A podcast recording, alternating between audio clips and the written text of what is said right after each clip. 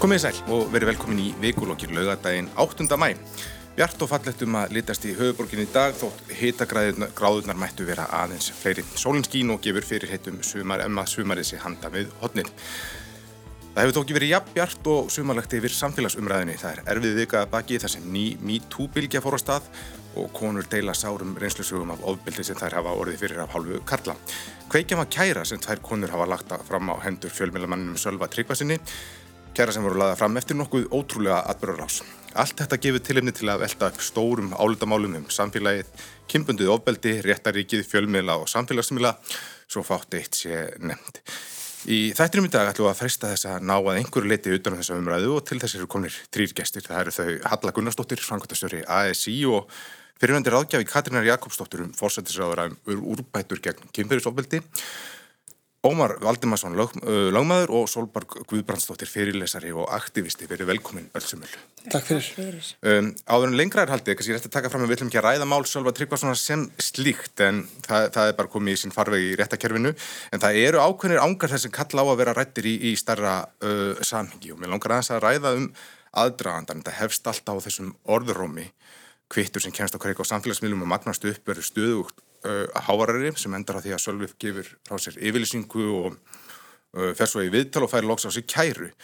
Um, en á meðan þetta var enn bara orðrómur þá var samt verið að kalla eftir aðkomu hefðbunduna fjölmiðla að fjallum þetta og, og maður spyr sér hvernig eiga þeir að takast á við málinn þegar þau eru svona vaksin halla, þú varst lengi bladamæður og, og þekkir hvað þetta eru viðkomið málflokkar og getur verið snúaði fjallina Já, sko ég uh, hefðinni fjölmiðlar hafa reyndar aldrei verið góður í að fjalla með máluflokk. Það er ekki eins og við höfum ekkert verið á stað þar sem að fjölmiðlar hafa ráðið vel við þetta. Og það er auðvitað bara eðli máluflokksins. Ég mann þegar ég var ungu bladamar á morgunbladinu og vildi fara að skrifa um sérsett uh, eh, nöðganir og aftrið þeirra réttakerfinu og þá saði við með eitthvað hundurfréttastur hans að ég veit nú ekki hvort þú ert nú hlutlust til að fjalla um þennan máluflokk. Og ég sagði, byrju, hvernig fjalla maður hlutlust um nöðgun, spur ég. Og hérna, og svo spannst svona svolítið umræðan um þetta að hérna, en þetta var svolítið lýsandi fyrir svona tíðaranda þess tíma þegar miðlarnir e, byrtu e, nafngröndu til dæmis aldrei demda menn nema þeir varu demdir í tveikjara fangils eða meira mm -hmm. sem að voru aldrei dómar á þessum tíma mm -hmm. þannig að það var engin nafngröndur e, hann er við svona erum ég held að sko rítstjórnir ef við horfum inn á hefðbundu miðlana það hefur alltaf verið vandraði með málflokk og það er alveg eðlilegt. Og ég held að það sé svona spenna og tensjónur sem við munum halda áfram að lifa með mm og mhm. þurfum að lifa með. Mm og þessar, þessi lungu samtöl þar sem þetta er rætt, hvernig var að taka þessu og er hægt að fjalla um þetta og það gengur ekki og, saglausun sektir sönnu eða eitthvað svona upprópunir, að þetta mun halda áfram mjög lengi því að við erum í við erum í sko uppgjöri og við erum ekki eins og nýðið miður, við erum rétt að byrja. Já. í uppgjöri við bara aldar langa kún að sögu hverna Þetta er svona ekstra flókimál getur við sagt að því að þarna er orðrómur sem gekk út um allt. Það hefur allir og öllur ístjórnum hértað þessu en þú ert ekki með neitt sem hefur stíðið fram og, og ásaka neitt. Það er bara, þú ert ekki með dagsetningu það, þetta er allt svona í lausuloft Já, en þrýstingurinn þetta kemur sko við Það eru svona 30 ár sem við byrjuðum eitthvað að tala um kynferðsófald í Íslandi. Mm. Eh, þú veist, það eru 14 ár síðan að var afnumið úr ragningarlögum ákvæði um að ef að nauðgari giftist þólanda sínum og þá mætti fella niður refsingu. Mm -hmm. Veist, við erum, við erum eh, söguleg ljósi komur rosalega skamt á veg og, hérna, uh, og á þessum 30 árum hefur það sem hefur gerst er að áður máttu konur ekki tala um það ofbildi sem það eru voruð fyrir. Mm -hmm. Það er megað það í dag en það er megið ekki segja ykkur bytti. Mm -hmm. Og nú ertu bara komið kynnslóð uh, ungra kvenna sem að bara skiljið ekki Já. og segja bara býtu af hverju eigum við að lifa við þetta óriðleiti og, og með mína kynslu sem eru að horfa upp á sko sömu ofbildismennin að poppa upp í sögum kynsluðurnar eftir mm -hmm. að það er bara komið svona óþref af hverju má ekki segja hvaða menn þetta eru sem eru að beita okkur ofbildi mm. Eh, þannig að það er það sem ég finnst áhugavert í þessu en ég hef ekki svar við því hvernig hefðbundi miðlar er að taka á því mm. bara, og það svar hefur enginn sko, það, því að við erum einhvern veginn bara inn í þessari spennu, mm. við erum bara stötti henni miðri. Mm. Svolbjörg, þú er kannski fulltrúið þessar yngri kynslu sem fekk bara nóga þessu og þú tókst já, völdin í einn hendur og stopnaði þessar síðu fullvindar, þar sem hún varst bara að bregða ljósi og það bara hvers konar ógeð uh, konur fá yfir sig allir með stafrannum viljum. Var það vegna vantrúar á fjölmiðla, réttarkerfið eða hvað? Um, ég held að hefði bara sprottuð úr bara, já, vegna ímsa ástæða sko. uh, fyrst og fremst gerði ég þetta því að ég hafði sjálf reynslu af stafrunni kynfyrirsofbildi hafði reglulega fengið til mín sendt alls konar viðstíkileg skilabóð þar sem að menn voru að lýsa um, já, bara alls konar óviðandi kynfyrirslýsingum við mig, voru að senda mér óviðandi myndir, voru að bjóða mér peninga fyrir kynlíf, voru að hóta mér ofbeldi og ímslegt fleira byrti þarna inn á og með tímanu fór bara fullt af um, stelpum og konum að senda mér uh, skjáskott sjálfar. Og ég komst bara að því hvað þetta er sko, ég vissi að þetta væri algengt þetta væri, ofbeldið þrýfst allstæðir í samfélaginu okkar, ég vissi að þetta væri algengt en ég vissi ekki, að þetta væri svona algengt. Um, og þetta varði einhvern veginn þegar ég byrjaði hafði ekki hugmyndum að hvert þetta myndi síðan fleita mér en fimm áru setna þá já, er ég bara, veist, þetta er búið að slagur í fimm ár. Mm. og mér finnst sko í raun og veru, við sjáum það líka bara með þessar bylgi núna að Ég ætla að upplifa það að við séum ekki að ná neitt rosalega miklum árangri á þessum, þessum tíma og ég kannski af þeirri kynslu að ég vil breytingarna strax sko. Já, þið finnst ekki á þessum fimm árum, það hefur ekkert breyst að þínum mati? Sko ég menna, ég, af því að ég hef verið svolítið mikið inn í bara umræðinni sem aktivisti um, og verið rosalega mikið í þessum samskiptum og fólk sem ég tala við svona vanalega eru alveg með svona svipaðar skoðanir á þessum málaflokki og ég en ég kannski áttum ekkert endil á því hvað er að gera síðan annars þær í samfélaginu hjá fólki sem er ekki að tala við mig og maður sér það bara í kommentarkerunum núna hvar fólk er umverulega statt hvað kemurflótamál varða sko. Mm. það bara skortir rosalega mikla fræðslu. Mm. En þú ert enná, ég meina, ég, ég fylgji þér á, á, á samfélagsmiðlum og þú ert að deila skjáskotum sem ég gerir ráð fyrir að séu til þín, ertu enna að fá svona hótanir eða? Nei, ég hætti mig fáið Instagrami núna í desember, um, ætla að taka mér alveg aktivistapási, ég held að það væri möguleiki, en ég finn bara knúna til að halda áfram núna að taka slægina því að það bara gengur ekki að næstum hver einasta kona sem ég þekki hefur ykkur að reynslu af einhvers konar kynfyrirsofbildi. Mm. Þannig að ég, nei, ég er ekki að fá svo hótanir ennþá en ég er bara að byrta þær aftur af því að það verist sem svo að fólk bara gleymi þessu. Mm. Hvað er umverulega sér stað? Þannig að við þurfum að koma upp í yfirborðið ef við ætlum að reyna að tækla það. Mm. Uh, Ómar, þú ert lögmaður og fyrirvendi bladamæður líka en lögmenn þeir, þeir hafa nú tilhengu til að segja að þessi mál eigan bara heima í réttakirfunni. Það er bara staður það sem á að útkljá þessu hluti. Já, það, og það er að, að vissu liti náttúrulega alveg rétt að það er eðletta að mál það sem að einhver beitir annan ofbeldi, hvernig ofbeldi sem það er, að það fái farveg í kerfinu mm. uh, og það, þrátt fyrir það að það sem margt sem er ógert í kerfinu þá er líka margt sem að hefur verið færti betri vegar á undanfjöndum árum.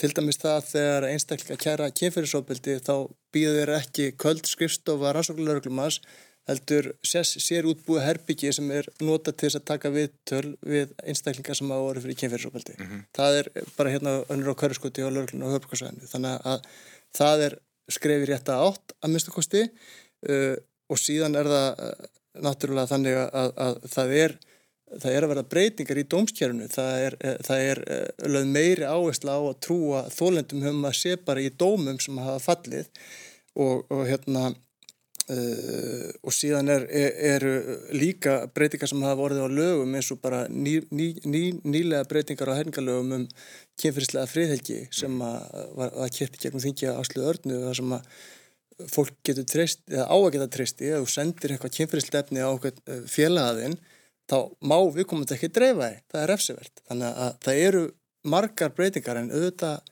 betum á dögaskal og, og það sem að ég, ég verði að viðkynna það, ég hef ekkert fylst neitt mjög mikið með MeToo umræðinni kvorki í, í fyrirbylgjunni og, og verð miklu meira varfið þetta núna, kannski vegna þess hvernig þetta kemur upp á yfirborðið. Og hérna og bara sem fadir tveggja stúlna þá hef ég verulegar áhyggjur af því hversu útbreytt kynbundu ofbeldi er í samfélaginu og, og þú veist, og, maður gerir ekki annað allan daginn út á inn en að innræta börnunum sínum það, stúlkonum sínum það hvernig það er að umganga samfélagsmiðla. Og í gær þá var stelpa, eldri stelpa mér sem er 13 ára að lappa heim eftir ammali og ég að menni símanum allan tíman skilur hún var að lappa 2 km á þetta því að ég hafði áhyggjur að því að það myndi eitthvað ekki að hendana mm -hmm. og þetta ámar ekki að þurfa að búa við það. En hvað um áhrif bara þessar tækniníunga og samfélagsmiðla á störf lögmannsins að því að eins og við sjáum í þessu máli að hér er bara lögmaður svolva mætti í viðtal með honum og lögmenn eru ekki, starfið er ekki kannski lengur ja, bundið við uh, réttarsalinn eða dómskerfið að því að mm -hmm. þetta slagur hinn að gæsa lappa á sér stað uh, bara fyrir opnum kjöldum mm -hmm. þannig að maður sér í auknum mæli að lögmennur komnir í einhver pérmál líka sko, í. Séðarreglu lögmennu gera ráð fyrir því að lögmenn geti tekið upp hanska fyrir umbyggjöndur sína mm. á vettvangi fjölmjöla uh, þetta, á þess að ég ætla að fell einhverja sérstaklega dóma um þetta tildækna viðtal, þá var þetta reyndar með því undarlega sem ég sé í fjölmjölum á æfinni. Mm. Uh, en... Uh, sérstaklega dómar þar. Nei, ég meina, ég, ég er ekki að fjalla neitt efnislega um það, mér fannst þetta bara skrítið. Uh, og hérna en auðvitað er það þannig að lögmenn þeir bara koma fram fyrir hönd sína, umbjóðanda og þeir er að gera allt sem þeir geta til að tryggja að, að hérna, þeirra sjónum er komið fram og, og, hérna, og bera virða hérna, þeirra rétt nummer 1, 2 og 3 þannig að, að hérna uh, og, og þetta, þetta, þetta er þróun sem við verðum átt í stað á, á löngum tíma, þetta er ekki alveg nýtilkomi ég meina til muni hvernig bara bögsmálu var í fjölmjölum skilur við að það, það var, þar svo bara að það var ekkert síður háð í fjölmjölum heldur en í réttasölum mm -hmm. og, og það ásig kannski, eh, það mun kannski gerast bara í, í, sí, eh, í síauknum mæli eftir því sem að mál vekja meiri aðtikli í samfélaginu þeim er meiri þörfi kannski fyrir lögmynd þess að stíga fram fyrir skjöldu og verja sína umbygöndur mm. og, og, og sé náttúrulega bara hvort að, að, að, að hérna við komum til aðlar að ekki að sigur um brotið ekki, það er bara eitthvað sem að dónstóla dæmum í mm. kjölfæri sko. Um, þetta kannski líka, minnir á, ég menna, frægir eru í betri stöðu svona fyrirfram út á við, því að þeir hafa meiri áhrif og svo leiðis og svo þeir fá góða lögum með sér líka og getur kannski, já, samfélagsbyltingin sem er, uh, hefur verið frelsanda á margan hátt en, en fólk getur líka staðið höllum fæti á því sviði. Já, við erum alltaf að sé svona dæmi sko þar sem menn stíka fram og nafn greina sig í rauninni til að verjast einhverjum uh, sögum eða einhverjum sem einhverjum sagt eða einhverjum úrskurði sem einhver starf er fallið og enginn kannski er ekki ópenbarilega vitað um. Og, og það stíga er fram með sína útgáð sannleikanum. Og þetta hefur, uh, ég man alltaf eftir tveimu tilöku núna bara í fljótu bræði þess að þetta hefur þvingað þólendur til að stíga fram. Mm -hmm. uh, ekki, í þessu tilfelli ekki undir nafni það er, það er, þú veist, þetta hefur þvingað til að gangun og lauruglistu og segja ég ætla að leggja frá kæru. Já og hérna uh, og þarna er náttúrulega aðstöðumunur einn alveg rosalegur. Uh, um, um hver ræður narratífinni uh, síðan er það hitt og það er kannski ábyrðin okkar sem samfélags og það er bara svona hlustunar skilirðin okkar hvað við heyrum. Og mér fannst áhugavert og, og ég bara alveg með þér því bergstöðnum verðum ekki að tala um þetta einstakka mál sko sem það mál sem það er. En uh, það var eins og áhugavert hvernig samfélagið svona brást við, hversu margir stukku upp og sagðu, veist, þetta getur ekki verið, alls ekki hann, mokkin byrti Sölvi er saklaus, Sölvi mhm. tryggvað svona saklaus var e, e, yfirskriftin og hérna, og svona stukku svona fram og ég verð að segja fyrir mitt leti, sko, uh, þegar einhver sem að maður þekkir er sakar um svona óbyldi, þá er það fyrsta sem maður hugsaður er, það getur ekki verið hann. En ég bara spyr, af hverju ekki hann? Veist, þetta grasserar í samfélagin, mm -hmm. eins og Solbergar segja hann bara, næstu allar konur sem hún þekkir hafa reynslu mm. af hverju það ekki hann og hann og hann og hann mm -hmm. og það er það sem ég held að við þurfum að byrja að horfast í augum við, það er hverstagsleiki þessa ofbildis. Mm. Þetta er inn í daglegu lífi, sérstaklega hvenna eh, líka kalla, en þetta er inn í daglegu lífi hvenna. Veist við bara, ég hef stundum hugsað eins og þú veist að segja Solbrúk sko þú ætlar að taka einhverja pásu frá þessu. Ég hef alveg rosalega ofta ætla að hætta að vinna í þessu málaflokki að fara einbetta, ég er mjög mikið áhuga til dæmis húsnæðiskrísunni núna og vinnumarkasmálum og bara ímsu sem að maður vil kannski þroska sig og þróa sig í. Mm -hmm. en maður endar alltaf þarna að því að þú veist þessar sögur bara eru alltaf að koma til okkar. Mm. og hérna og það, og veist, það lítur einhvern tíma lítur sko nógu nóg sko að vera hérna, uh, vera upplifunni En eins og þú segir hérna þvingar konu til þess að uh, stíga fram og leggja fram kæru. Að þarna er atbyrður á þessu sú sko, það fer að stað orðrumur sem kemur, konan hefur sagt í yfirlýsingu að hann, hann hafi ekki komið frá henni. Mínar heimildir herma að þetta hafi verið sjónavottur sem sá hann fyllt, uh, sá sjálfa fyllt út í, í laurugubíl en svo kemur hann með yfirlýsingu, hann fyrir viðtal hún segir það verið kjölfar þess sem ég stíg fram og, og legg fram kæru. Er, menna við ef við viljum leggja kapp á að þólundu sér trúað og, og þetta sé á þeirra fórsöndum þetta er atbyrður á sin ekki á valdi konuna sem kerði. Nei, sko í þessum málaflokki er atbyrður á sin sjálfnast á hend, veist, í höndum hverna mm. og það er kannski, það er þetta óþól sem að maður finnur sérstaklega með yngri kynsluðinni sem er að segja bara hvaða ruggl er nú þetta sko, mm -hmm. þurfum við að hérna, þurfum við einhvern veginn að sitja uppi með þetta eh, og það er eiginlega já, kannski, mér langaði að grípa það sem Ómar var að tala um aðan að þau breytingar sem voruð að rétta keruna því að Málið er mjög talsast skilt og hérna uh, þetta er það, svona, það starf sem að ég hef vinnið og þetta frumvar sem þú vísar í það er uh, tilögurnar af því eru til í stýrihópu sem ég leti á vegum fórsættisáðaninsins mm -hmm. um, sta, um stafræna kynferðsópildu og kynferðslu fríðhelgina og þegar ég var í innaríkisránundinu sem aðstofum var þar fyrir um, tíu árum eða eitthvað þá fórum við að stað með samræðum með fyrir naukunamála og þá varum við þessi hugmynd að reyna að leiða saman sko græsrótina uh, það sem hefur starfað með þólendum ábyldis, þólendur í einhvern tilfellum, akademíuna, réttakerfið, alla stofnarnir réttakerfið til samtals.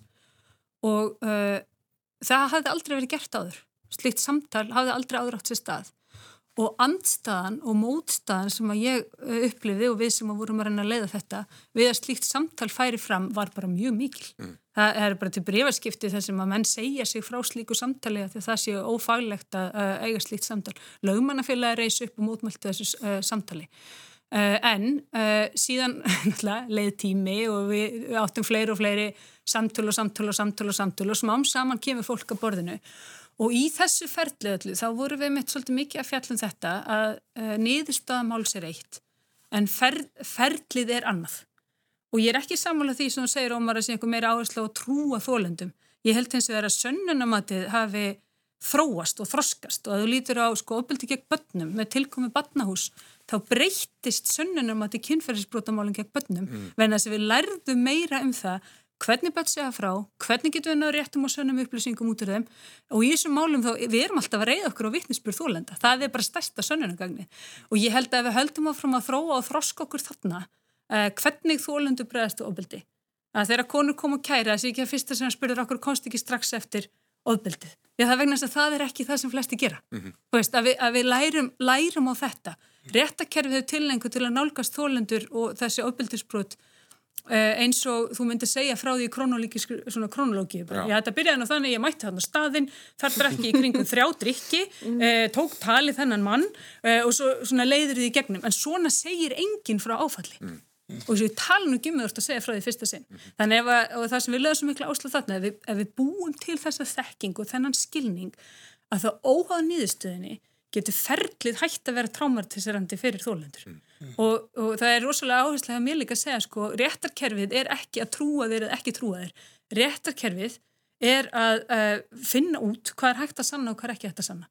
Og sönnunarstaðin í þessum málum er erfið, við getum bættana með meiri þekkingu og, og, og allt þar frá þetta göttunum. En upp úr stendur sem þetta réttarkerfið, veist, það er svo rosalega lítill þessar umræði mm. því að það nær bara utanum brota, brota, brota, brot. Mm. Veist, vandin er þetta mm samfélags, uh, þessi samfélagsgerð. Mm. Uh, Svolbók, svo við komum kannski aftur að þessum punkti um, um uh, forsendur konuna sem kerði og ábyrg kannski áhrifavalda í því að þessum svona dreifu um, umræðan áfram. Heldur einhver hafi stoppað þar, einhvers ára hugsað, allir þetta sé það sem konun vil? Um, nei, góð spurning, einmitt, ég veit ekki sko, ég held að einhverjir þeirra áhrifvalda sem stígu fram hafi um, haft beina þekkingu við þessar þólendur sem að um, legðu síðan fram kærur sko. Þannig ég held að hafi nú ekki beint verið úr lausulofti greipið og einmitt það er sko þessar slúðursagnir um áðbeldi karla eru sjálfnarsbrotnar úr engu mm -hmm. Um, þannig að því sé haldið til haga. Um, mér finnst samt líka áhugavert sko að því að jú, þess að sögu fara fyrsta staðan á samfélagsmiðlum en við sáum það líka að um leið og meintur gerandi stýgur fram og lýsir yfir sakleysi sínu að þá eru aðrir áhrifavaldar sem að nýta plattformin sitt til að taka mjög skýra afstöðu með honum og gegn þá þólendum uh, og það heyrist ekki mikið í þeim áhrifavöldi núna að nýta plattformi sitt sko þegar að hundruðir hvenna hafa sagt frá ábeldi og þá veldi ég fyrir mér sko eru hundruðir frásagna af kynfjörðsóbeldi minna tilöfni til þess að nýta plattformi sitt til að hafa átt heldur en ásökun eins uh, meinskeranda. Mm -hmm. Ég veldi því fyrir mér. En, en bara, eh, svo, svo tökum kannski bara um einstaklingin versus samfélagið að maður getur kannski sagt að í stóra saminginu þá er gott að þetta hafi gerst, að þetta hafi komið upp á yfirborðið en, en þá er í rauninni líka verið að segja þú verður að taka hann að slag hvort sem þið líka betur eða verð, hvort svo sé tilbúin eða ekki það er, er það ekki bara svona hinn nabri sannleikur? Jú, við erum alltaf að setja þetta á konur sko, ja. meina, og allar þessar báðar þessar mítúbylgjur og bara ef við förum bara tilbaka til hérna, þú veist 90 og eitthvað þegar konur byrjuð eitthvað að stiga fram hvort sem var þetta nafn eða ekki Þú veist, við höfum neitað að trúa, neitað að horfast í augu við og eina svar hvenna hefur verið þá, ok, þá verðum við að segja frá mm. og þá verðum við að segja frá dítil, þú veist, þetta reykja uh, bara frá að til ö, bara eitthvað hryllilegsta atbyrði í lífiðinu. Aftur og aftur. Aftur og aftur og deila og svo tekja Twitter og setja rú og svo tekja, þú veist. Og svo mæta samt í alverðinu menn og spyrja, en var þetta samt svona? Mm. Ég er bara að sjá það á Twitter og bara hvað sko, senustu daga hefur einhvern veginn svona Twitter skipst í tvent. Mér finnst ég sjá eiginlega, já, bara nánast hverja konu sem að tvítar eitthvað þessa dagana er að, er að segja frá ofbeldi eða sína uh, brótaþólum samstöðu á meðan ég er að sjá meira af, af tvítum sko frá karlmönum um boltan og eldgósið og, og svona. Þannig að ég veldi í fyrirminni mitt búið við bara alvörunni í sikkurum heiminum, mm. hvað þetta var það. Við lókum að koma að sína þetta á, á betur á, á eftir en uh, Ómar, þetta er mitt einna réttakerfið ágrinningsmál eins og þessi, bara ofbeldismál, þau hefur heima vissulega, við getum sett það bara í orðið hverjunu inn í réttakerfisins, mm -hmm. en það bara hefur sínt sig og sannað að það er þessi vangeta til þess að ná utanum allt mm -hmm. svona þetta spektrum sem við búum. Jú og það er náttúrulega eins og Hallabendir á að það, það er, er svolítið erfitt að, að sanna kemfyrirsbrott og, og, og það er svolítið erfitt líka að fara að gefa afslátt af sönnakröfum í kemfyrirsbrota málum, rétt eins og bara í öðrum málum. Við, hérna, auðvitað þarf að búa betur um þessi mál og, og það þarf að, og sönnamatti hefur breystir svo halla bendir réttilega á. En hins vegar þá búum við í kerfi þar sem að við viljum frekar að tíu segir menn gangi saklusir frekar en að eitt saklus setja um til fangilsi og, og, og ég held að það sé bara rétta rétta kerfið sem, þú veist, þetta er bara það kerfið sem við búum við og þetta er kerfið sem við skuldmyndi okkur til þess að hafa í, í samfélagi þjóðana og þessi réttur er, er tilgrendur í bæði stjórnarskrað og margættisápmálum og það er rosalega erfitt að við ætlum að fara að gefa afslátt af þessu. Mm -hmm. uh, og ég held að það sé reyndu útsatt ekki að hægt. En og, og ég reyndu útsatt veit ekki. Bara veit ekki hvernig, hvernig við höfum að, að betur um bæði þetta. Ég hef bara ekki sagt með það mikið í þessa í þessa pælingar til þess að geta svara því almenlega en auðvitað er það ekki hægt þú veist kannski er þetta aðlega bara það, það starf sem að Solborg er búin að vera í undarfarið mm -hmm. að hérna, bæta mentakerfið það, það verðist er einhver lapsi í mentun ungra kallmanna þegar það kemur að samskiptu við vikinnið þú veist það verðist vera einhver, einhvern veginn að það, það sé bara í lægi að senda konum tippamyndir og og senda þeim spurningu hvort að það vilji hérna, koma að ríða eitthvað svona bara opna samtal með einhverju svo leiðis þú veist, þetta, þetta er rosalega mörgum kallmennum sem að ég veit að umræðan er svolítið þannig eins og að þessu allir kallmenn mm -hmm. en ég held að þessu rosalega mörgum kallum algjörlega framandi mm. ég, ég veit ekki til þess að nokkuð kona nokkuð tíman hafi fengið tippamind og verið brjálæðislega til í það bara aldrei Nei, menna, veist, það er svona skiljið þetta ekki mm -hmm. uh, en en alltaf, alltaf einu, þetta er greinilega algjörlega landlagur anskoti og það þarf að grípa inn í þetta og það er líklega best hjart með mentun og síðan líka þessi umgengni við samfélagsmiðla. Þetta því að, að það, það er ekkert langt síðan að það þótti bara alltaf lægi að klýpa fluffröyu rassin þegar þú lappaði fram með, með, keruna mm. þú veist, ég held að það láti enginn setja þetta það í hug í dag. En í alltaf einu er alltaf lægi að senda bara einhverja random konu kynferðisli skilabað, mm. þú veist, eða SMS og, og það, það þarf að koma fólki í skilningu það sem ekki átt að segja á því að þetta er ekki lægi. Mm. Það, svo helst þetta hendur við annað sem er hlutur sem er eins og ofinbjörnsmánun að ok, eitthvað mál rúmast ekki inn á réttakerfisins, það getur ekki tekið á því, það er ekki til sönnabyrjur fyrir hendur og þá er erfitt að segja frá því þegar það ást að smána eitthvað ofinbjörlega og það er bara domstól gödunar sem nú ekki, ekki hefur nú ekki jákvæðina hlæðsli við sér. Um, þannig að við stöndum fram í frí að það má ekkert gera í sjálfsvegar. Hver er leið þá hverna til þess að leita til réttlandi að þeir sem verða fyrir ofbeldi? Já, minnst þú nákvæmlega nekla þetta þarna sko og ég held að bara ef ég horfi á þá tvo áratíu sem ég hef staðið í þessari vinnu og þessari baratu, hvort sem hefur verið sem aktivist eða blamaður eða hérna eða bara inn í, í stjórnaráðinu að hérna og erlendur senda líka það, þú veist, þetta er alltaf spurningin sem við sitjum uppi með mm. Veist, og ég man alveg eftir einhvern barferðum sem við sátum og bara, ennið myndum bara byrta öll nöfnina á einni heimasíðu. Ennið myndum bara, ok, einhver fer til útlanda á netkaffihús og býr til blogspot síðu og þú veist, að að, og við vissum alveg ekki það að það voru að fara að gerast, en það var samt einhver þörf fyrir að sitja þarna og hugsa, akkur þurfum við að sitja hérna fimm saman með þessa vittnusku, mm. og akkur, akkur má ekki segja frá því, og ég held, ég veit ekki, þú veist, ef ég myndi segja hérna, já ég menna Ómar stál hjólinu mínu eða þú veist nonni seldi banninu mínu fíknefni eða eitthvað, þá er þið dramað ekki jægt mikið þótt ég mhm. væri sannarlega haldaði fram að þeir hefðu fram við lögbrót og, hérna, og það hefði skadað með einhvern þætti mm -hmm. og hérna við erum bara först í sko uh, við höfum látið svolítið réttarkerfinu og orðfæri réttarkerfisins eftir að höndla hana málaflokk uh, veist, og réttarkerfi er ekki smíða utanum þetta mm. brot gegn konum voru lengst að bara brota á eignarétti kalla sko. þar að segja ef þau mátt ekki bara eiga heima inn í hjónabandi eða inn á heimili eða hvar sem er ef, ef kallar voru ekki í réttmættri stöð til að beita því ofbeldi sem það síndist og svo höfum við reynd að taka þau tæki og þróa þau og þroska þau og búa til eitthvað utanum, uh, utanum þennan máluflokk og það hefur og, og, og margt, veist, margt er betra í kerfunum en það var uh, en við stöndum samt alltaf eftir með það að, að veist, þetta er ekki kerfið sem ræður við þetta mm. og ég held sko um, Ég man einu svona, ég var rosalega einhvern tíðan í Breitlandi að voru alltaf einhver svona tensjónum í kringum uh, reys eða kynþátt uh, inn í svona aktivistastarfi. Bara, þetta var alltaf að koma upp og vorum alltaf einhvern rosalega tensjónum og ég talaði við hérna, eina goða vinkona minn ég sagði, getur við ekki einhvern veginn leys, er ekki að leysa, er ekki að losna undan þessu svo við getum fyrir að tala um eitthvað annað. Mm. Og hún sagði bara, nei, við erum bara í hérna, alda uppgjöri í þessu samfélagi við kynþátt.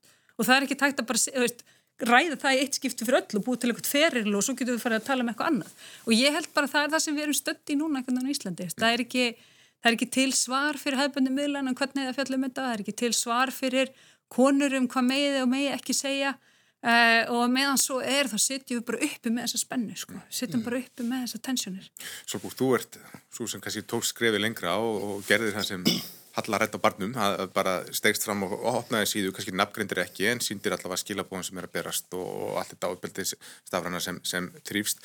Hver voru viðbröðum við því? Voru viðbröðum mitt ekki á þeim þá leiði herruð þetta en ánum bara heima þá í, í domstólunum, þetta á ekki að vera á, á einhverjum ofinbyrjum slúðurvettvangi eða eitthvað slíkt? Jú, jú, ég er mjög oftur í krafinum alls konar sannanir og þegar ég spyr tilbaka um eitt hvers konar sannanir viltu fá að þá heyrir maður oft bara mikinn miskilning á því hvað kynfyrirsofbildi raunverulega er. Ég vil sjá glóðurauga, mm. ég vil sjá hótanir á Facebook um, en ef þú lendir í ofbeldi og ert ekki með þetta þá þýr ekki að hafa ekki verið beittur ofbeldi.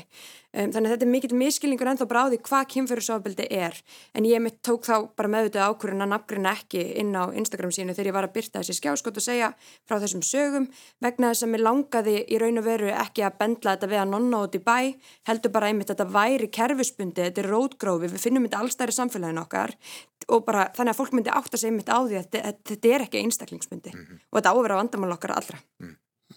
Uh, ef þið voru að komað viðtækjanum þá eru það hlust á vikulógin gæsti mínir eru Ómar Valdimarsson, Solborg Guðbrandsdóttir og Halla Gunnarsdóttir. Um, þetta mál, það einhver hefði kannski geta sagt, herruðu, uh, kona út í bæ, hún hefur kært áhrifamann, bara þekktan mann og þetta sínir að MeToo virkaði Um, viðbröðun hafa verið þver öfug það bara spratt af stað bara önnur MeToo-bylgja það sem konur eru bara tvittir er undirlæður af hérna, frásögnum bara mjög sárum af, af mjög sári reynslu og erfitt að lesa sig í gegnum þetta hvers vegna eru þetta viðbröðin?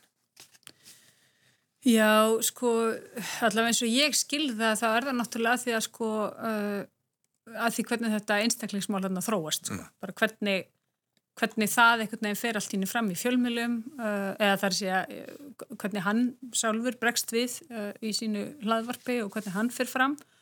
Uh, og þá kemur þessi stemming sko þarna eru bara einhver, eitthvað trillt leið að drefa slúðusögum og mann og þá fyrir alltaf stað. Að þetta sé nú það sem konur séu nú bara alltaf að unda sig við að ljúa upp á menn hérna um allan bæ og helst fræga menn og helst góða menn og eitthvað svona. Svo afbríði samar Já og bara eitthvað fúlar og þú veist og fyrirverðandi kærustur sérstaklega þær eru vist mjög mikið í þessu. Og hérna og ég held að sé þess vegna sem þetta sprettur svona upp að veist, þá fyrir þessi græs út á stað og bara nei, veistu, ég bara stend með þessum konum. Veistu, bara stend með konum þegar þær segja sína sögur. Mm. og hvort sem að gera það með því að kæra eða setja það á Twitter eða búin að segja nokkra sem bara ég skrifaði sögun inn í síman mín og búin að segja einum og bara, hvernig það að gera það bara í stand með mm. og ég held að það hafi bara verið viðbræðið mm. Solborg Já, um, ég upplöði þetta sama um, og sko, mér finnst bara svo óbúslega sárt, einmitt, eins og við rættum aðeins hérna aðan og halla komin á, að konur upplöði þetta að þær þurfi aftur og aftur trekki trekk að rifja upp þessa sáru reynslu til einhvern veginn að fá fólk til að trúa að þetta sé raun og veru veruleiki hvenna er bara óbúslega sorglegt mm. Um, og ég bara, ég vildi óska þess að þetta næði uh, meira til Karla um, að þeir myndu kannski allavega taka sér pási nokkra daga að, frá því að tala um fókbólta á Twitter og tækju samtali við vini sína.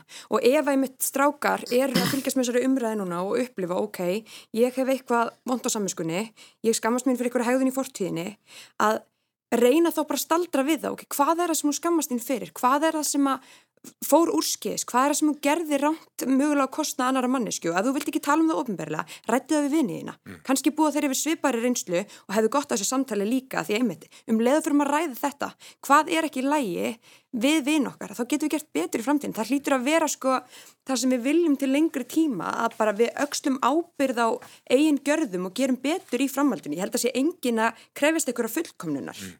uh, Ég man eftir bylginni fyrir þreymur árum að þá svona ákveðin kraftur og eldur uh, sem er að kannski svona blæbriða munu núna og ég held að þú hefði sagt á Twitter Solborg eitthvað slikt bara að það var eitthvað ákveði vonleysi núna að þurfa að gera þetta aftur Já, bara, við bara nennum þessu ekki lengur. Nei. Það er bara ótrúlegt að við séum ennþá þannig. Ég er ennþá að heyra frá strákum sem er að senda á mig bara, er þetta í alvörinu svona? Mm. Hvar eru þið? Hvað er þetta búin að vera senustu ára ára og tíu sem konur hafa verið að öskra á hverju göduhorni líka við?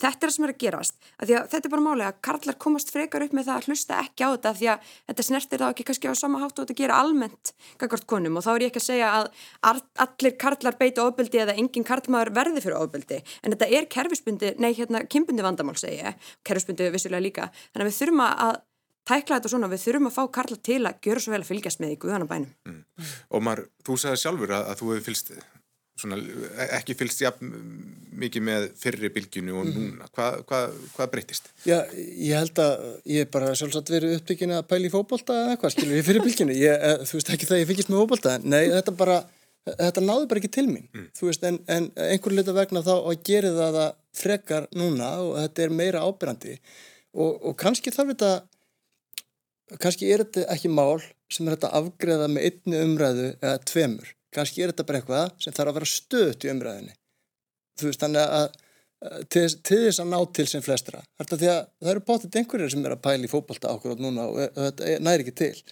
Þannig að kannski þurfum við bara að halda áfram að tala um þetta og tala um þetta líka morgun og hinn og hinn og hinn og hinn. Og endanum þá munir þetta ná til fleiri eða allra vonandi mm.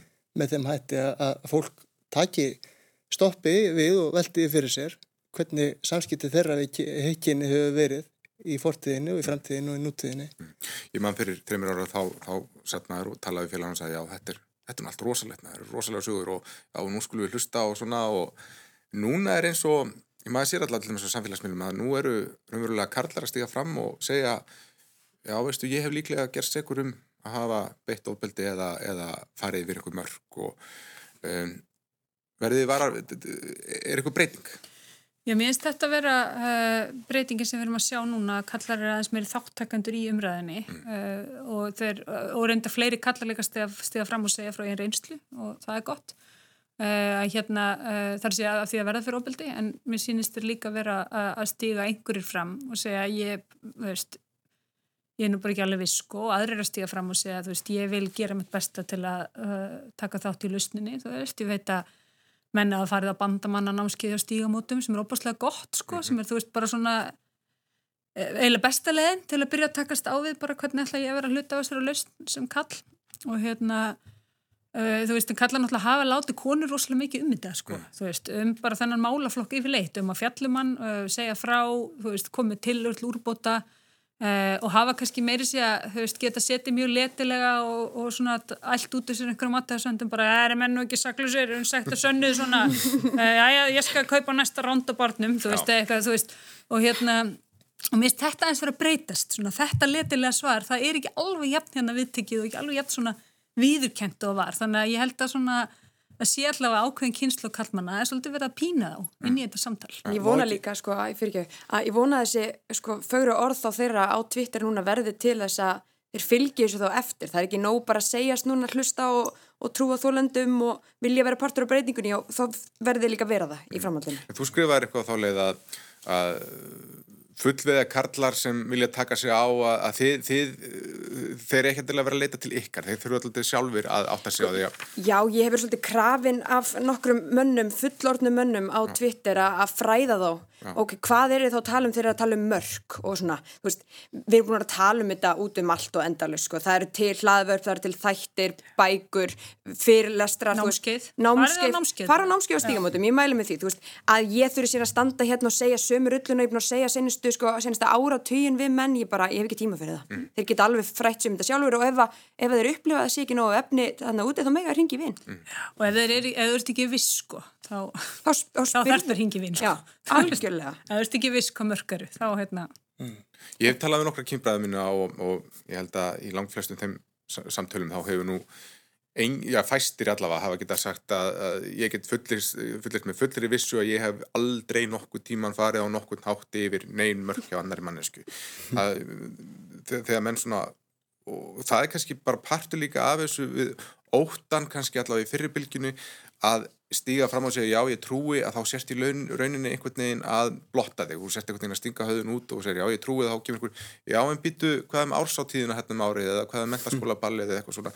Heldur þú, Ómar, ég meina sem heldur að þetta sé partur af vandamálunni? Ég held að það sé ekki til sá kallmaður eða svo manneskja bara í heiminum sem að ekki hefur einhvern tíman stíð yfir mörg einhvers annars aðela sem hún hefur í samskiptu við og, og hérna það er bara óhjákvæmilegt held ég í samskiptum einstaklinga, menna, við rekumst á hvort annað.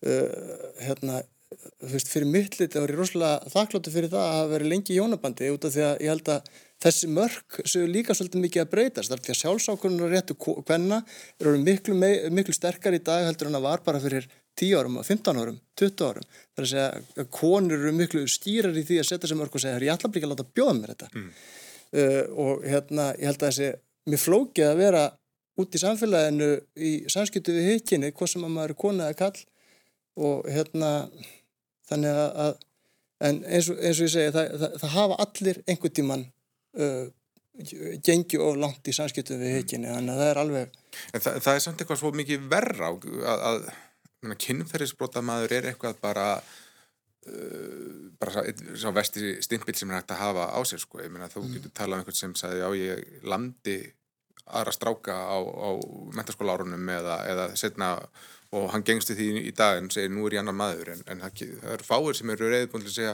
ég hérna, beitti konur kynferðisopildi á þessum tíma en nú er ég hættur því uh, hvers vegna er þetta svona miklu miklu verra að viðurkenna þetta heldur en hitt Já, það er enda líka mjög merkilegt bara, og ég heldur, sko, mér er svolítið erfitt að tala um þetta svona abstrakt, um öll eitthvað gengi yfir mörg all, veist, annara, þú veist, við erum ekki að tala um það, við erum að tala um kynfyrirsofbildi, veist, og það hafa ekki allir beitt kynfyrirsofbildi, og þetta er mjög kynjað fyrirbæri, þetta er konur, þau þurfa að lífa við þessa ógn alla sína mm æfi og, og kallar eru þeir sem beita því, og hérna, uh, og uh, þannig að ég held að hjálpa okkur ekki að fara eitthvað að hugsa abstrakt, sko, um bara, þú veist, uh, allir hafa einhvern tíma gert Já, þetta. einhver tíma, þú veist, kallaði ég vinkuna mín einhverju, skilur þú veist, ég, meina, ég held að það sé alveg hjálplega umræða svona í lífinu almennt og maður er alltaf að vera að horfast í auguvegin hegðun og svona spá í hvernig maður getur upp betri manneskja, en til að fást við þetta kerfisbynda vandamál held ég við þurfum að uh, fara á einhverju önnu dýpi, sko. Já, þannig að þú vilt gera mjög sk- skýran bara mun á þessu svona sem er kannski já, einhvern tíma veri svona þessi suðari eða eitthvað eða versus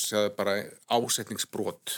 Nei, ég er nú ekki kannski að segja það, vegna þess að ég held að sko suðið getur verið brot í sjálfu sér, sko, og hérna að, veist, að, að hlusta ekki á nei, þú veist, að hlusta og, og hvernig sem það nei er sett fram, þú veist, og nei er ekkert uh, hún Liz Kelly vinkona mín, hún orðaði þetta eins og rosalega vel þegar hún var hérna ráðstöðna í Íslandi, sko, ef að ef að við erum að spjalla hérna eftir og ég segi hérna er Solborg, uh, ég við kannski að kíka barinn í kvöld? Og Solborg nennir alls ekki með mér á barinn en hún er búin að hlusta með tala hérna heil lengi. Og þá segir hún ekki nei og spurði mig aldrei að þessu aftur. Hún segir já, ég, neða, sko það væri rosa gaman, kannski setna eh, ég er hérna, þú veist, bara er að fara heim og þú veist, og svona myndi einhvern veginn tala í kringum það. En, í, uh, en þessi krafa sem kemur á konur í kynferðslegum samskiptum sem eru samt miklu flóknari samskipti er að þær séu svo ofbúðslega skýrar með þessi nei sín og ef þetta nei kom ekki bara rosalega skýrt og þá megi kallar gera það sem þið vilja. Já, Uh, Guðrún Marget Guðmundsdóttir, samstagskona mín, hún skrifaði mestarirritgerði í hérna eh, mannfræði fyrir mjög mörgum árum. Það sem rannsónu spurningin var af hverju nöðga kallar.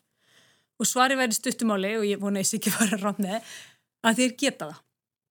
Og, og þú veist, þeir margir þeirra sem gera þetta, sem beita konum kynfyrsofbildi, þeir halda raunverulega að þeir sé að taka eitthvað sem þeir eiga. Þú veist, bara þeir, þeir megi þetta og þá getum við kannski aftur komið að hérna, þeirri svona ár uh, tilraun sem hefur núna staðið yfir í svona 10-15 ár þar sem við gefum uh, mjög ofbeldisfullum klámiðnaði bara frýtt aðgengi að börnunum okkar mm. bara frýtt, mm. þú veist það bara hann kemur inn í herberginu þeirra uh, þetta er ekki svona eitthvað að þú lappir út í einhverja búð einhver staðar eða heima einhverju viniðinu finnst eitthvað, hann bara kemur inn í herbergið og fær að gera þar það sem hann vil mm. og hérna og þetta er svona eina af þessum umræðum og þar er, sko, þar er hugmyndafræðin inn í þessu efni sem er verið að dreifa inn á heimili okkar allra, drengir í kringum 11 ára þegar sjá þetta fyrsta sinn þetta er ekki bara eitthvað svona, þú veist, allsbyrg kona út af einhverjum, mm -hmm. þú veist, hérna agri, þú veist, mm. þetta er bara mjög brútalt uh, kynfyrirsópildi uh, þar sem að, hérna uh, þar sem að er verið að beita konur og marga aðra minnluthópa, bara miklu opildi, mikill niðurlægingu og þetta er fyrsta kynfyrirslegnið. Mm. Þannig er hugmyndafræðin, mm. þú veist, hún býr þarna. Mm. Þetta kemur kannski líka inn á annar menn sem svona dregst inn í þetta og þar kemur líka kynnslóðabil og annað, það er þessar OnlyFans síður um, við getum talað sko bara síðan ég komst til fullorins ára þá hefur það svona meginströms feminismin hefur gengið á því að sportna gegn uh, klámi vandi og svo framveginn sem nú er komin yngri kynnslóð sem lítur á það sem svo að það sé bara partur af kynfrelsi kanna að, að etna Uh, kynlífsvinna er þetta bara kallað að selja aðganga að, að bara einhverjum myndbæðsefnum sem eru framleitt eftir óskum og, og, og því um líkt. Um, og ég get bara sagt það bara fólk á mínum aldri það bara á, eh, ég allavega margir sem ég umgengst allavega á bara mjög erfitt með einhvern veginn að ná utanum þetta. Solborg, þú kannski já Hvernig horfður þetta við þér? Ég held að unga kynsluðan sé líka bara með alls konar skoðanir á þessu. Um, og ég, bara ég meina þó að örgulega ykkur eru upplifið það sem frelsandi og upplifið það að það sé verið að taka völdin í sína reygin hendur þegar að um, já, þau, að þær að miklu leiti kjósa að gera það. Getur vel verið að ykkur upplifið þetta svo leiðis en svo eru líka bara margir sem að upplifa það að þessi kynlífsiðnaður og þessi heimur hann bara svolítið viðhaldi því um þetta að konur séu sölvörur mm. og séu eitthvað sem að karlar geti keift sér aðgangað og gerst það sem þið vilja við mm. Og maður sér það líka í þessari umræðu að það sem er verið að tala um reynslu hvenna á þessu að mörkin verða óljósari með tímunum þegar þær þurfa einhvern veginn að viðhalda fylgjenda hópnum uh, með því að byrta grófara efni sem að þær kannski vildi ekki til að byrja með, það vilja bara ekki heldur þeirra á, á þeim tímunpunkti. Já, þannig heldur þessi, ég meina, já, er eitthvað að skýra línur í þessu, til dæmis getur við sagt að yngri kynsluðin sé svona opnari fyrir þessari hugmynd heldur en eldri eða er eitthvað meiri hlutaskoðun í þessu eða eitthvað slíkt? Því að þessu stundum stilt upp kannski svo ég hef verið að gera núna að það sé bara yngri, hlindir þessu, eldri og móti þessu. Sko ég held að yngri kynslu sé klárlega einhvern veginn opnari fyrir þessu en það er kannski bara líka því að við erum kynslu á samfélagsmiðla. Mm -hmm. uh, við erum kannski líka bara vöndi á Instagram að þar séu fáklættar konur og, og svona þetta er meira, þetta er nær okkur, við fylgjum með Kim Kardashian og, og þeim sýsturum á, á Instagram þannig að það kannski bara svolítið búið að normalisera þetta og við taka þáttið í sjálf ja. um, á samfélagsmiðlum en ég samt veit ekki ennþá hversu normal það er að aftur geta kipt sér einhvern veginn aðgangað um, kynlífi. Mm. Það komir eiginlega alveg mjög mikið óvart. Ég held að þessi umræði hef fyrst sprottið upp í þessu þætti hlaðvastætti eigin konur þar sem þær fór að tala um OnlyFans og það komir eiginlega bara frekar mikið opna skjöldu hvaða mikið verðist vera af Íslandíkum sem eru að salja aðgangað ímiskonar efni inn á þessari síðu. Mm. Það verðist vera bara tölur fjöldi að einstaklingu sem hefur að þessi tekjur. Mm.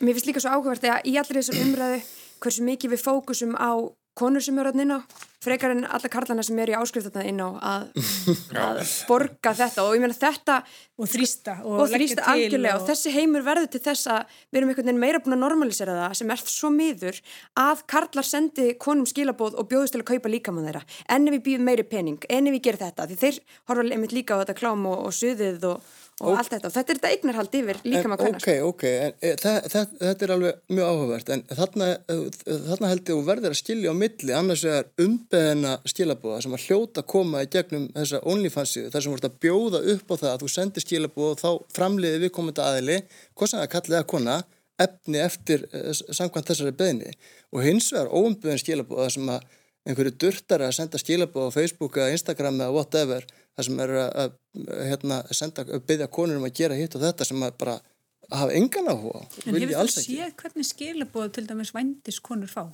Veist, Nei, þetta er ekkert ég... eitthvað kurtisinslegt, Mæt, mætti ég kaupa af þér hérna þessa tjónustu. Mm. Þú veist, bara ofbeldið sem mm. að kemur fram í því þegar kallar telja sem eiga að kaupa eitthvað, mm. er bara viðbjörnslegt. -hmm. Og hérna, og ég held að það, sko, ég veit ekki, Bergstein, ég ætla að hérna, tjálna sér þetta með sko kynnslöðina, það er nú -hmm.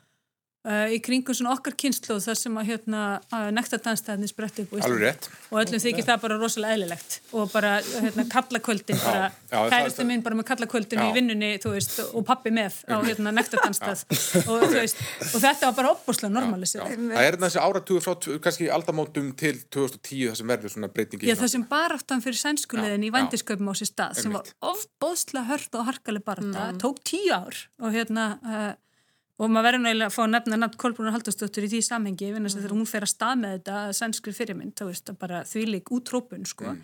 og hérna en, og þannig við lifum í rauninni sko við lifum þann debatt og internaliselum hann og, og lærum aðeins lærum rosalega mikið á honum og svo fer sænska veginn í gegn og við bara fyrir að fá okkur kaffi sko mm. og hérna það, það var þetta komið sko eins og það hafi klárast þar og kannski erum við svolítið að súpa segja því núna En, en umræðan til þeim sem OnlyFans og, og það að þar allavega með þau viðtöl sem ég hlusta þar er upplifað fólk að það sé ennbla í smá andofi gegn establishmentinu sko, þannig eru einstaklingarnir að taka völdin yeah. frá þessum klá, stóru klám framleiðendum og taka þetta í einn hendur og bara einirkjar og gera þetta á sínum fórsendum. En, en sko og þetta hefur gerst náttúrulega miljón hundru sinnum áður sko, einhver svona tilröðin einhver einstaklingar að taka eitthvað svona og íðnaðurinn yfirleitt tekur það yfir eittur og bingolótt sko. mm -hmm. og hérna, uh, og ég held veist, uh, ég skil alveg að fólki finnist áhugaverð umræðan um þú veist, ákveður einhver kona að selja svona myndir á sig sjálf og líði vel með það. Mm. Það er alveg, veist, það er alveg áhugaverð umræða einstaklisbasis og, og bara fínta, fínta eiga hana. En við hljótum að þurfa að horfa í struktúrana. Já. Og það sem er auðvitað að gera þess að við erum að fá svona anglo-ameríska umræði hérna um, þú veist, þetta uh, sex work versus prostitution þessa umræði, hún er byrjað að blossa hérna svolítið upp á Íslandi og, hérna, og, og mikið efni til um það en það opbáslega harfiðtu á, átöku í hennum ennskumælandi heimi, það sem þessi yðnaður á mest heima, mm -hmm. það sem lobbyistar hans segja mest heima mm -hmm. og ég held að við verðum að horfa í, þú veist að klám og vændisiðnaðurinn kynlífsiðnaðurinn um gæsalöpa er einn af þriðju stærstu yðnaðum heims ásand vopnum og fíknarna mm.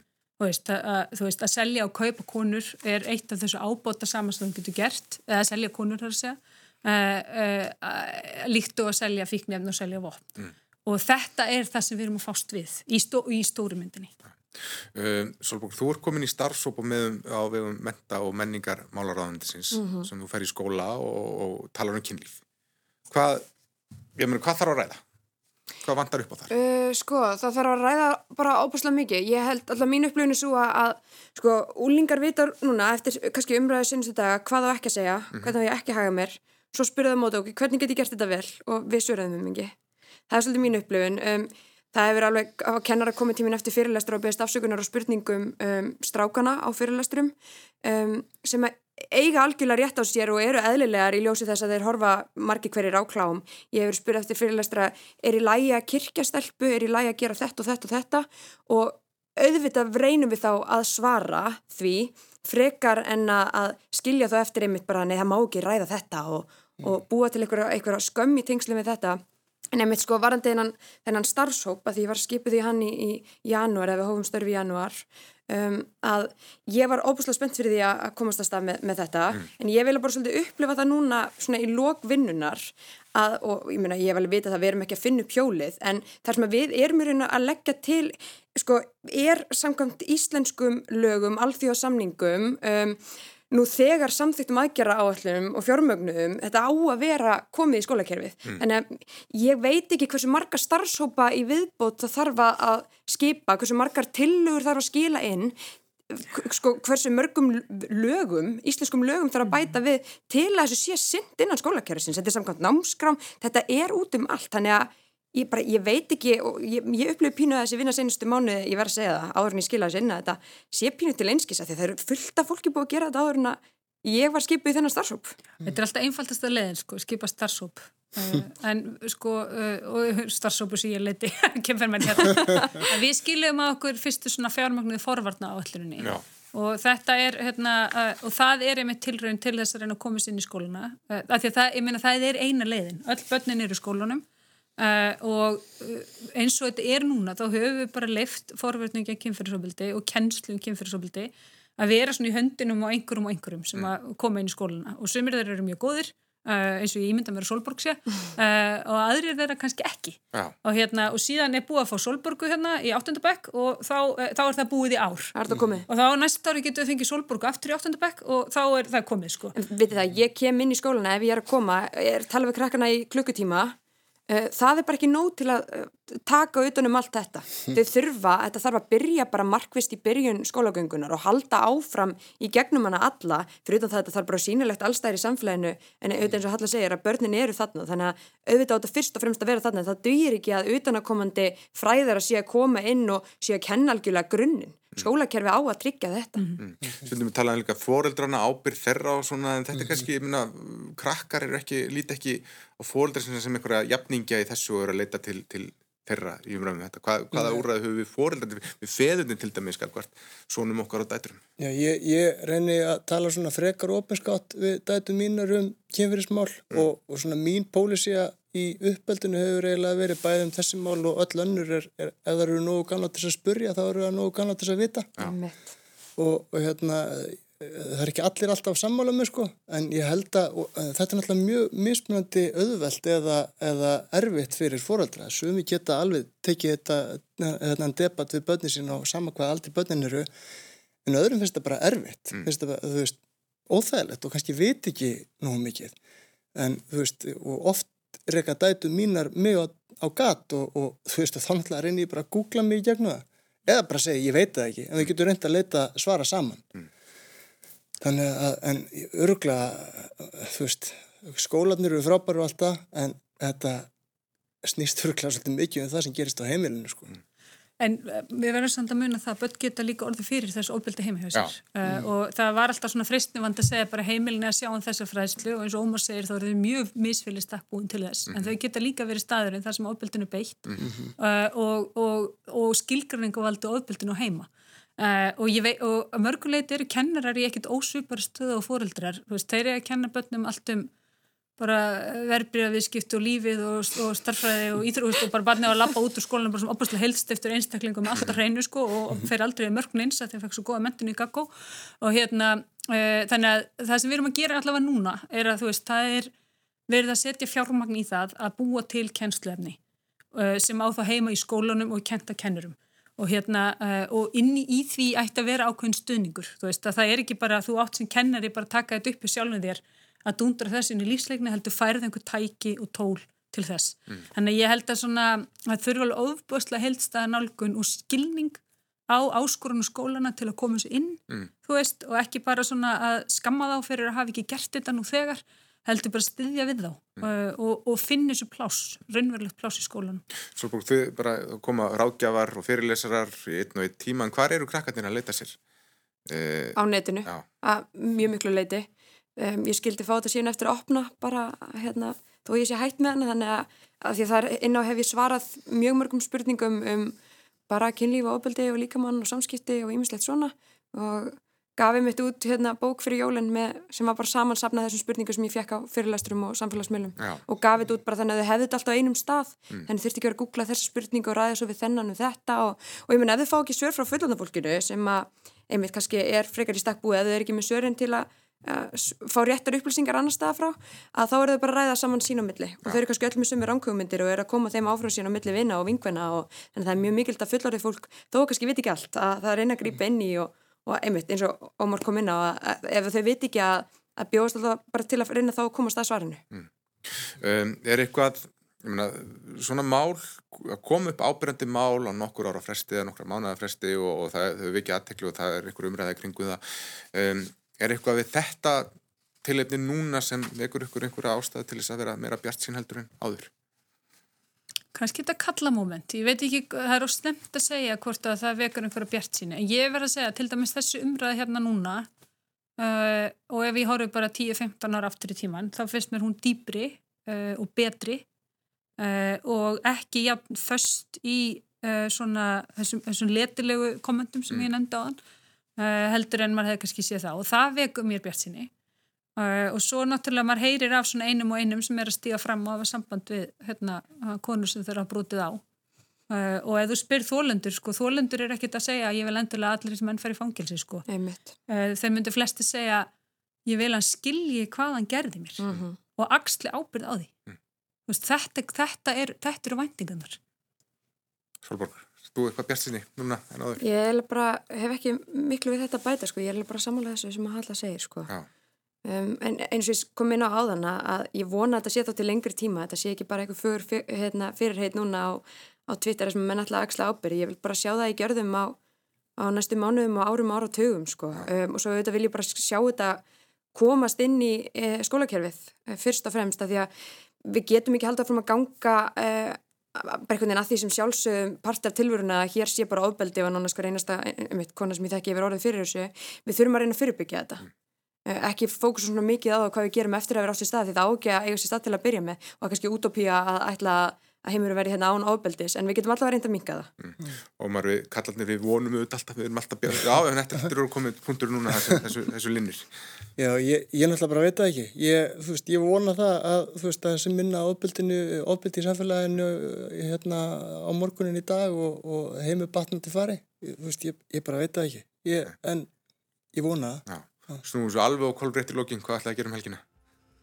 Heri, það eru flytninga fyrir dyrum hjá mér þannig að það fer bara allt í uh, einhverjar pakkanir og Heim, heimileg og herðum þér já, ég he- heldur betur sko. Bókstæðlega, Solborg Herri, ég ætla að fara að hitta fjölskyldunum minni í kvöld upp í bústað og knúsa litlu frengum mínir Ómar, hvernig verður helgina þér? Kona mín á amal á morgun, þannig að það mér allt snúast um hana. Innilega til hemmingju við það Takk fyrir það. Kæra þakki fyrir komuna, Ómar Valdimarsson, Solborg Guðbrandsdóttir og Halla Gunnarsdóttir.